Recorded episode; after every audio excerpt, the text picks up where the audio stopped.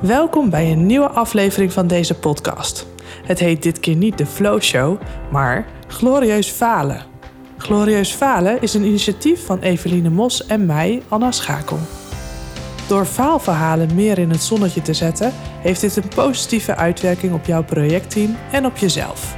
Jullie leren ervan en mensen komen er in de actiestand van. Oftewel, faal glorieus.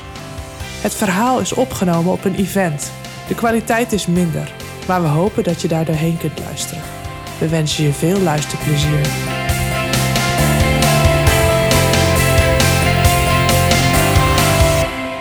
Ja, dankjewel. Anna en Evelien. Leuk dat ik hier mag zijn. Uh, welkom ook allemaal. Uh, inderdaad, emotie. Uh, we gaan terug naar 2013. Um, ik was al best een eindje op weg in mijn professionele bestaan als projectmanager. Vooral projectmanager op het gebied van um, gebiedsontwikkeling. Dus in het fysieke domein, om het zo maar te zeggen. En um, ik kreeg een opdracht bij Schiphol. bij de Schiphol Groep. Schiphol heeft ook een projectorganisatie. Dus is eigenlijk een. een, een um, nou, in zoverre, ik dacht, ik kom bij een professionele organisatie. Dat is het. Begrijp me niet verkeerd. Maar uh, niks zo politiek en bestuurlijk gevoelig en um, laat ik het netjes zeggen. Nou, eigenlijk heb ik bij deze netjes gezegd, maar dan weet je genoeg als uh, de organisatie Schiphol. Veel uh, verzuildheid, veel directies, veel belangen, veel stakeholders. Um, de opdracht die ik ging doen, dat hield in dat er een Europese wet en regelgeving geïmplementeerd moest worden. Die voorzag in dat alles wat op het vliegveld komt achter de douane, moest vanaf een fatale datum 100% gecontroleerd worden. En dat kan ik nu op deze manier zeggen, want toen hing daar een soort van geheimhouding op. Tot dat moment um, deed Schiphol dat namelijk steekproefgewijs. En daar was ook de controlecapaciteit op geënt, um, als in fysiek, maar ook zeg maar in het proces. Um, bezorgers kwamen daar. En nou, laat ik het nog eventjes iets verder fine-tunen. Als ik zeg alles wat achter de douane komt, bedoel ik ook echt alles. Van de croissantjes en de krantjes die we uh, halen als we wachten op het vliegtuig. Tot uh, nou, schroef, detail nauwkeurig. Uh, de schroefjes die de onderhoudsmonteurs meenemen naar het platform om vliegtuigen te eh, onderhouden. Tot grote bulkladingen asfalt, zand, die zeg maar voor de startbanen en dergelijke achter het hek gereden moeten worden. Waarom zeg ik dat zo expliciet? Omdat het project nogmaals erin voorzag. Er was een datum. Europese wet en regelgeving zegt vanaf dat moment wordt al dat waar wordt gecontroleerd. Um, en omdat we dus uh, binnen Schiphol meerdere disciplines hebben, meerdere verantwoordelijkheden, meerdere directies, ging het ook heel Schiphol aan. Want wat was de fatale datum als het gaat om we halen hem niet? dan werd je als luchthaven vuil beoordeeld en uh, was het risico, of althans de kans er zelfs, dat er luchtvaartmaatschappijen niet meer op jouw uh, vlucht, of, uh, luchthaven zouden vliegen. Nou, je kunt je voorstellen, dat is als een mainport van Nederland is dat gewoon een issue wat je niet, niet wil laten, laten ontstaan. NCTV, Koninklijke Marechaussee, Schiphol zelf, gemeente Rijk, alles was betrokken bij dit project. Hoog afbreukrisico, met name op het puntje tijd um, en geld. Geld kom ik nu op. Ehm, de Schiphol projectorganisatie werkt via het Prins 2-principe. Ik weet niet of iedereen daarmee bekend is, maar het is een systematiek binnen het projectmanagement.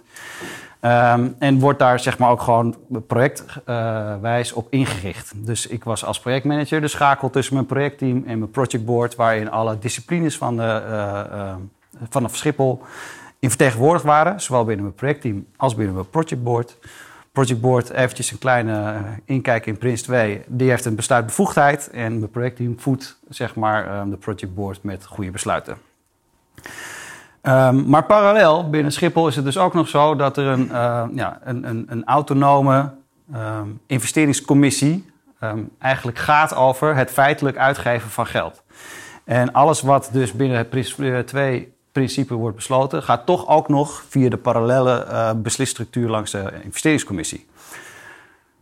Um, wat ik zeg, het project voorzag erin dat we dus de controlecapaciteit moesten uitbreiden. En Schiphol, nou, dat weten we ook allemaal, um, heeft niet zozeer te kampen, maar heeft een uitdaging uh, met het vinden van ruimte om al zijn disciplines en functies zeg maar, onder te brengen.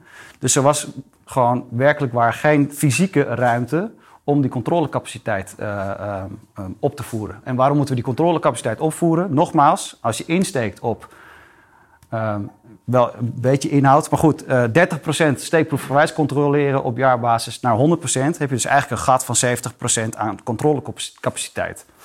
zowel bij je, je X-ray-apparatuur als in ook alleen maar fysiek alle vrachtwagens die moeten wachten met de goederen die ze aankomen leveren, die gecontroleerd moeten worden.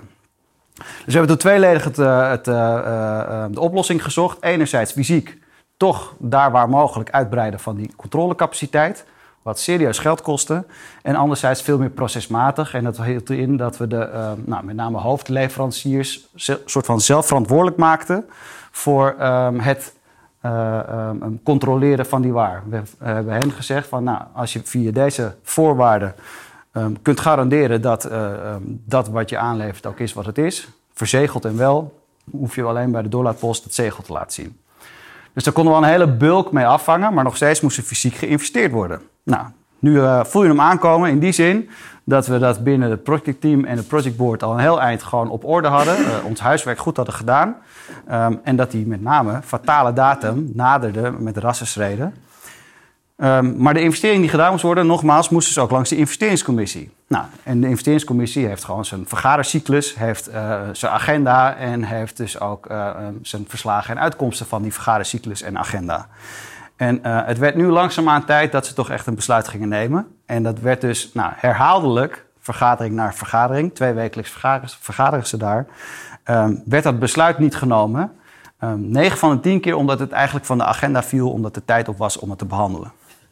Nou, dat werd dan ook steeds teruggekoppeld. Dat koppelde ik dan terug aan het projectteam. Van, ah, jongens, uh, we hebben weer geen besluit.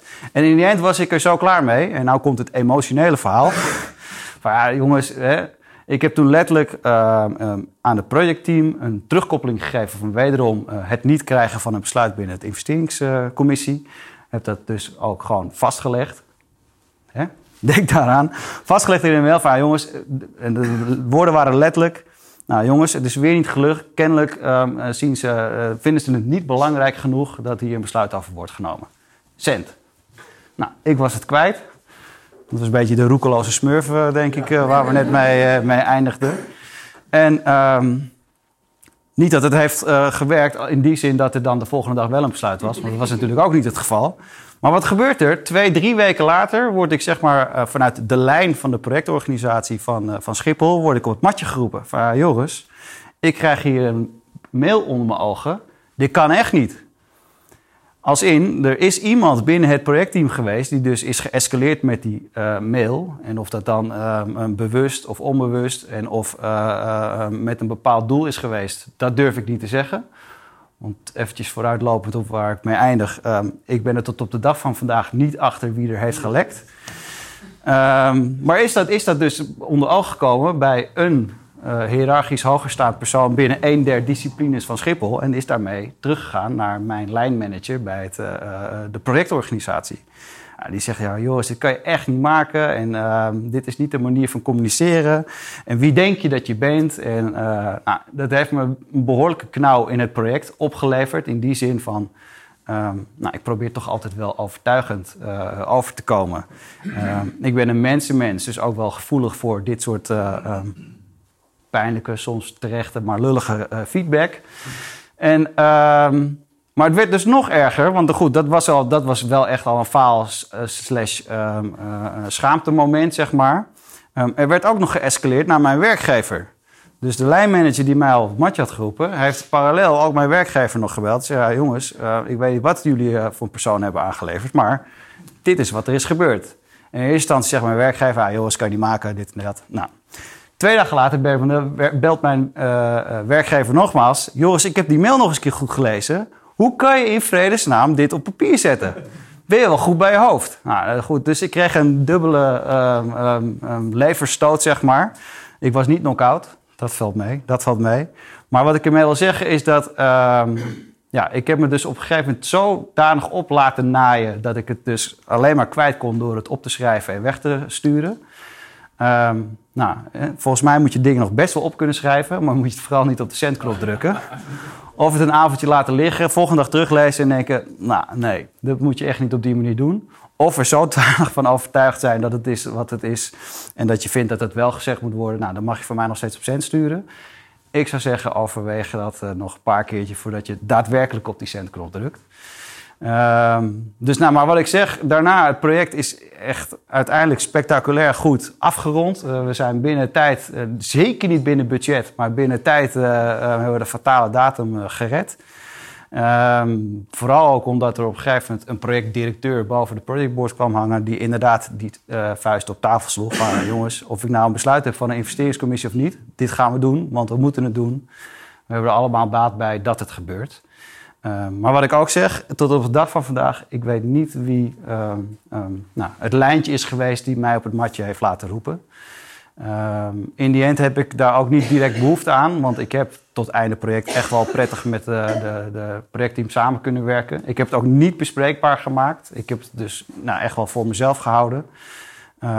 Ten meer dat het best wel bijzonder is dat ik het hier aan jullie vertel, uh, zou ik willen zeggen.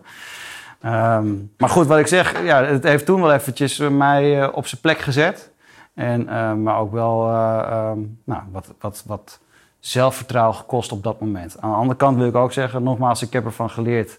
Laat die emotie nou af en toe niet, of althans, probeer die een beetje in toom te houden. Ik ben een emotioneel mens en ik kan ook best wel vanuit de emotie acteren. Uh, maar goed, ik heb er ook wel wat, wat, wat hoe zeg je, dosering in gevonden. Dus nou goed, kern van het verhaal. De, hoe heet het? Bezint eer u begint. Hè? Dus druk vooral niet op enter als er klootzak staat, bij wijze van spreken. Ah. ja, nou, ik ben heel dicht gebleven bij wat ik had gezegd, toch? Ja. Dat was mijn faalverhaal. Dus uh, nou, dank voor je aandacht. Moet ik deze...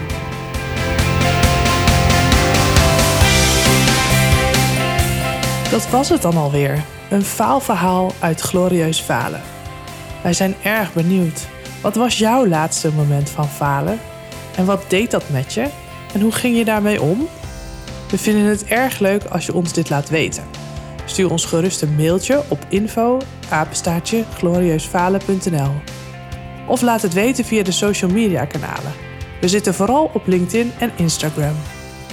Mocht je nu ook weten hoe jij nog beter glorieus kan falen, kijk dan op www.glorieusfalen.nl en neem deel aan een van onze activiteiten. We willen je hartelijk danken voor het luisteren en tot de volgende keer. Ciao!